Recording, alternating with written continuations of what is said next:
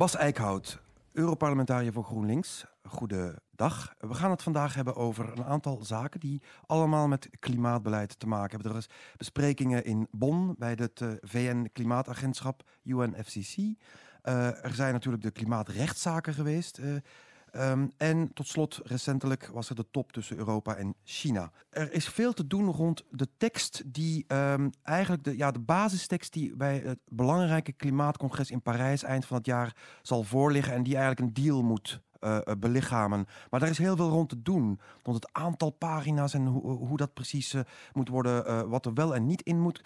Kun je uitleggen wat er nou precies allemaal rond te doen is? Ja, eigenlijk kun je zeggen dat, dat de, de onderhandelingen op dit moment gewoon ongelooflijk traag gaan. Dat is het grootste probleem. En ook Ban Ki-moon heeft dat nu onlangs gezegd. Van jongens, in dit tempo zijn we niet klaar voor Parijs. Okay. Wat je eigenlijk wil doen is uh, in Parijs, als dan alle regeringsleiders of alle ministers van Milieu bij elkaar komen, dat je dan de hoofdpolitieke Um, punten, zeg maar, dat je daar op de knopen doorhakt. Maar daarvoor moet je een hele hoop andere juridische zaken van tevoren geregeld hebben. Nou, inderdaad, in Bonn waren ze weer bij elkaar in juni. Uh, Bonn is dus inderdaad de zetel van het VN-secretariaat op klimaat. Uh -huh. En daar kwamen dus al die onderhandelaars weer bij elkaar, eigenlijk meer op ambtelijk niveau, om even te kijken van kunnen we die teksten wat inkorten? Want als je met te veel pagina's, te veel tekst naar Parijs toe gaat, dan wordt het een zootje. Dan krijg je Kopenhagen 2 eigenlijk. Hè, zoals toen in 2009 misging. Ja. Nou, toen we Bonn ingingen, lagen er 89 bladzijdes. Dus er ligt een tekst en die is dan helemaal uitgegroeid tot 89 bladzijdes, waarin dan alles tussen haakjes staat wat de discussiepunten zijn. Dus dan zegt het ene land, ja, maar dat punt moet nog toegevoegd worden en hier heb ik nog een probleem mee. Nou, dan wordt er tussen haakjes toegevoegd. Dus dat was echt een, echt een ongelooflijk uh, opgeblazen document geworden. En in Bonn gingen alle onderhandelaars zeggen, we gaan het nu terugbrengen. We gaan nu keuzes maken dat we in ieder geval zorgen dat er een ja, iets wat beperktere tekst uh, naartoe komt. Hebben ze twee weken over gedaan, twee weken lang onderhandeld. En ze zijn teruggekomen van 89 bladzijden tot 85 bladzijden. Dus dat is twee bladzijden per week. Dat is Als twee, ik even snel reken. Ja, dat is heel snel gerekend. Twee bladzijden per week teruggebracht. Ja, als we in dit tempo doorgaan, dan, dan ga je in Parijs echt een ongelooflijk zootje krijgen. Juist. Eh, Ik heb begrepen dat de bedoeling uh, is nog steeds dat de, de, de, de hoofdtekst die in Parijs voorgelegd wordt aan de regeringsleiders 15 pagina's moet zijn. Ja, denk een beetje rond die grootte. Hè? Van hoe groot moet zo'n verdrag er nou uitzien om wel de hoofdpunten te bediscussiëren? Dan, dan zit je veel meer bij 10 tot 15 bladzijden. Dus dan hebben we nog heel wat te schrappen. Dat kun je zeggen. Uh, waarom is er eigenlijk zo weinig uh, vooruitgang? Uh, um, ik begreep dat, dat ja, de, de, de, veranderende verhoudingen in de wereld duidelijk worden aan, aan de, de onderhandelingstafel. Ja, dat kun je wel zeggen. Het is gewoon eigenlijk uh, bijna alle discussiepunten die je terugziet in die teksten, is toch een strijd tussen, uh, nou ja, voormalig rijk en voormalig arm. Uh, de wereld is veranderd, maar in de jaren 90 hadden we eigenlijk een soort tweedeling gemaakt. De rijke landen moeten eerst actie doen en de arme landen niet. Nou ja, ondertussen, de wereld is, uh, is, heeft zich iets uh, diverser ontwikkeld. Je kan China toch niet meer vergelijken met uh, Mozambique. Uh, en datzelfde geldt voor India, Brazilië, Rusland. Het zijn allemaal landen die echt van een andere grootheid zijn geworden. Maar goed, de Amerikanen zeggen daarmee ook van... we gaan niet meer een indeling van de wereld maken. Gewoon iedereen moet aan de bak. Dus geen, geen indeling in arm of rijk. Iedereen moet gewoon iets Wat doen. vind je daarvan? Nou, dat vind ik ook weer te simpel. Kijk, uiteindelijk uh, een aantal ontwikkelingslanden... en dan met name natuurlijk de, de kleinere ontwikkelingslanden... Die, die terecht zeggen, wij hebben geen geld. Wij zijn nu bezig met ontwikkeling... En wij hebben eigenlijk geen enkele bijdrage aan de problemen geleverd. En wij hebben er een meeste last van. Precies. Het gaat om niet zozeer misschien uh, arm of rijk, maar eerder aan historische verantwoordelijkheid. Juist. En... Maar dat historische verantwoordelijkheid, nou ja, dat is echt zo'n no-go bij de Amerikanen. Omdat ze dan weten dat ze wel een groot probleem hebben. Europa is op zich wel bereid daarover te praten. Amerika zit er heel moeilijk in. En die wil eigenlijk vooral gewoon geen indeling in de wereld. En eigenlijk hun grootste angst is gewoon China. Laten we wel wezen, Amerika is geobsedeerd met China.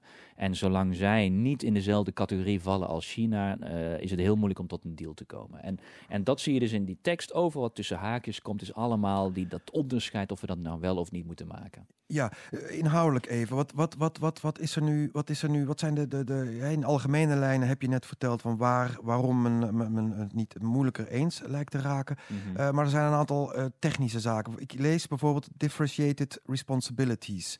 Uh, dat, is dat waar je net naar uh, verwees? Ja, dat dus is verschil tussen de VS ja, en China? Dat is eigenlijk de VN-taal. We hebben, het is uh, common but differentiated responsibilities. Wat eigenlijk zegt van ja, we hebben allemaal een verantwoordelijkheid, maar dan moeten we wel tussen is het differentiëren. Oké. Ja. En dan eh, is er iets rond te doen rond die anderhalf graden norm. Eh, ik ben een leek op dit gebied. Ik dacht dat er een 2 graden norm was. Ja. Maar nu is er opeens een anderhalf. Nou, dat is, eh, als je alle verdragen tot nu toe ziet, dan staat er altijd ergens dat we moeten overwegen om ook nog na te denken over anderhalve graad. Dus er is, de wereld heeft gezegd, wij gaan, willen niet boven 2 graden komen. Hè. Mondiale temperatuurstijging boven 2 graden. Mhm. Maar met name de laagliggende eilanden, eh, denk aan de Bahama's, denk aan de Marshall Islands en dat soort eh, laagliggende eilanden, die zeggen ja, maar bij 2 graden zijn door die zeespiegelstijging die dan al gebeurt, zijn wij weg. Dus wij vinden eigenlijk dat we naar anderhalve graad moeten. Nou ja, en daarvan zeggen nu andere landen, ja, kunnen we daar nou een keer over ophouden? Het is gewoon 2 graden, punt. Ja. Ja, en die kleinere landen die zeggen altijd van nee, maar er moet ook anderhalve graad inkomen. Nou, dat is weer zo'n tekst tussen haakjes. Juist. Eh, eh, tot slot even eh, de INDC's, de, de verplichtingen van die landen zichzelf opleggen. Daarvan was gehoopt dat er veel meer landen bij zouden komen. Er zijn er nu pas 40. Ja. Eh, ehm, zijn, welke landen zijn er dan nog wel bijgekomen en welke vooral niet? Ja, kijk, eh, we hebben dus meer dan 190 landen die, die lid zijn van het klimaatverdrag. Dus er zijn er nog wel wat te komen. Eh, eigenlijk zit iedereen te wachten op China. Juist. China is het grote land. Als, als die met hun plannen gaan komen, dan zul je zien dat er een hele hoop andere landen ook gaan komen. En ja, eigenlijk is iedereen een beetje aan het wachten. Wanneer gaat China komen met haar INDC? Oftewel? Zetten die agenda een beetje toch wel, hè? Ja, je ziet wel dat China, eh, ja, zij, zij zetten de agenda, zij, zij bepalen eigenlijk een beetje de snelheid van de onderhandelingen. Dat zie je gebeuren. Ja. Oké. Is er dan heel veel toch wel teleurstellend nieuws uit Bonn? Eh, waren er ook wel positieve dingen Nou ja, uiteindelijk? wat ik wel even wat echt interessant noemt, als je die INDC's ziet, eh, toch even Marokko noemen. En even Europa, die altijd zegt, wij zijn heel ambitieus op duurzame energie. Hè? Nou even het doel voor Europa. Wij willen in 2020 willen wij 20% duurzame energie geïnstalleerd hebben. Hebben een hele hoop landen moeite mee om dat te halen, waaronder het land Nederland.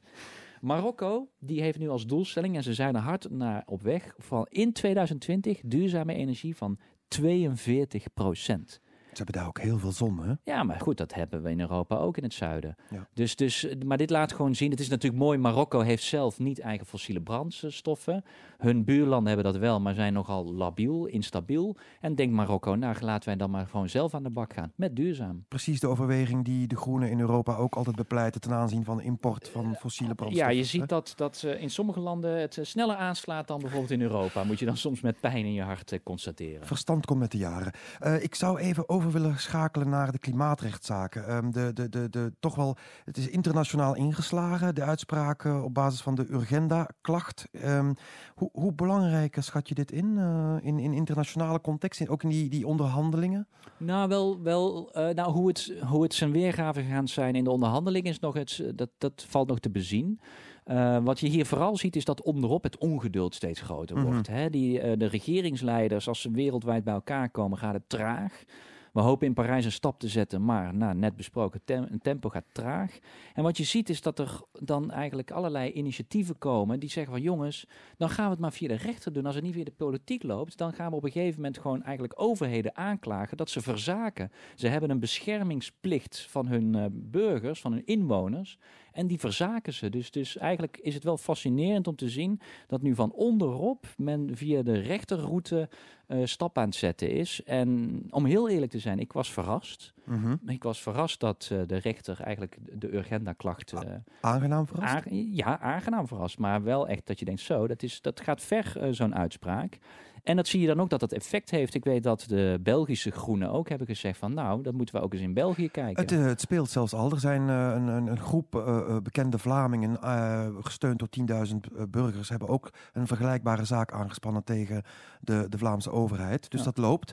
Ah, en ik, ik heb begrepen dat ook in de, in de staat Washington er een uitspraak is, een juridische Ja. uitspraak. Eh, weet je daar meer over? Ja, dat, was, dat is eigenlijk een beetje toevallig. Dat was een zaak die ook tegelijkertijd liep, maar de uitspraak van de rechter komt redelijk eh, parallel nu. Mhm. Eh, dat is dus inderdaad de staat Washington, hè, dus helemaal het noordwesten van de Verenigde Staten. En daar hebben een aantal jongeren via een petitie eigenlijk gezegd van de staat moet, moet gewoon harder optreden. En dat is ook een rechtszaak geworden. En nu heeft de, de, eigenlijk de, de rechter daar in die staat, Washington, de, de tieners gelijk gegeven. En eigenlijk ligt er dus nu ook in de Verenigde Staten een rechterlijke uitspraak die een staat verplicht om meer op klimaatbeleid te doen. Dus, uh, eigenlijk kunnen we alleen maar hopen dat er meer van dit soort initiatieven volgen, zodat de druk van, van, van de burgers uh, groter wordt. En als, dit, als je dit veel meer, veel meer ziet gebeuren, dan gaat het ook echt wel een effect hebben op de onderhandelingen. Dus absoluut, ja. Maar ja. op dit moment is het vooral uh, interessant om gewoon te zien dat, dat eigenlijk de route via de rechter nu steeds meer be bewandeld gaat worden. Ja, en, en jurisprudentie wordt opgebouwd op die manier. Even tot slot. Uh, recentelijk kwamen Europeanen en Chinezen samen. Nou, daar hebben we het net al even over gehad. Dat is je inschatting van, van, van de uitkomst van die bijeenkomst. Ja, die, die is toch wel een beetje teleurstellend. Hè? De bijeenkomst was 29 juni, dus heel recentelijk. Uh, Europa was een beetje bezig met iets als Griekenland. Dus het was ook bijna een beetje beschamend. Naar, ja, dat was er ook nog, ja. Ja, dat was bijna beschamend naar China toe. Die komen daar voor een top naar uh, Brussel en en eigenlijk waren, waren alle, inclusief Juncker, was alleen maar bezig met Griekenland. Ja, wat dus voor de Chinezen een akkefietje is. Hè? Voor de Chinezen, die kijken ernaar en denken van... jongens, wat zijn jullie het daar... Het gaat over 1,6 miljard terugbetalen. wat, waar hebben jullie het over? Ja. Maar uh, oké, okay, uh, er is een, wel nog een gezamenlijke, uh, een joint statement, zoals dat heet. Ja. maar hij is een beetje slap. Dus wat we eigenlijk gehoopt hadden, was dat China... zich, zich ging toeleggen op een lange termijn doelstelling. Dus dat, hè, er komt heel erg een discussie uh, gaan we in Parijs alleen maar tot 2030 bespreken? Of komen we ook met lange termijn doelstellingen zoals de G7 in uh, Duitsland wel heeft gezegd? We willen een lange termijn, ja. zeg maar niet meer afhankelijk van fossiel. Maar er staat niets over in, in, het, uh, in de tekst. Mm. Dus, dus China praat niet over, uh, over wat gebeurt er. Nochtans was het het land van de lange termijn planningen. Hè? Uh... Ja, tot 2030 dan. ja, dat, dus daar hebben ze het niet over. Er was ook een poging om China met een stevig statement te krijgen dat er echt ook op luchtvaart wat geregeld moest worden. Daar hebben we een VN-instantie voor, het ICAO. En dat zit muurvast en we hoopten dat de Chinezen daar ook een uitspraak over zouden doen. In draft en wat, wat eerste teksten die we zagen circuleren, stond daar ook een redelijk goede tekst. Maar in de laatste tekst staat eigenlijk vooral dat China en Europa gaan samenwerken om ook wel meer te doen. Maar ja, dat, dat, dat is verder uh, eigenlijk, eigenlijk een beetje teleurstellend. Het enige leuke is wel dat ze wel weer expliciet F-gassen noemen. En ik als Daar hè, heb die, mee te die- maken ja, gehad. die vorig jaar rapporteur was Ja. op dat rapport van eh, het eh, terugbrengen van die F-gassen. Het is toch mooi om terug te zien dat nu EU en China ook zeggen, ja, op die F-gassen moeten we ook wel mondiaal een aanpak. Dus Inderdaad. het, het- er zit wel, het is, het is weer oké diplomatiek, maar als je echt denkt van, goh, hier wordt een stap in de onderhandeling gezet, nee, was het toch gewoon vooral wel weer eh, business as usual. Om het, dit beetje sombere beeld toch af te sluiten met een positief element. Je noemde net al de G7-top. Ja. Wat, wat is daar positief aan? Nou, wat daar positief aan is, is dat, eh, dat echt de zeven grootste economieën toch uiteindelijk Mhm. hebben gezegd van wij willen uiteindelijk deze eeuw nog willen wij af van fossiel. En eh, dat met name Japan en Canada een beetje onder druk dit toch ook hebben mede onderschreven. En die zijn, dat zijn er net landen die lastig zijn, ook in de VN-onderhandelingen, dus ook in Parijs.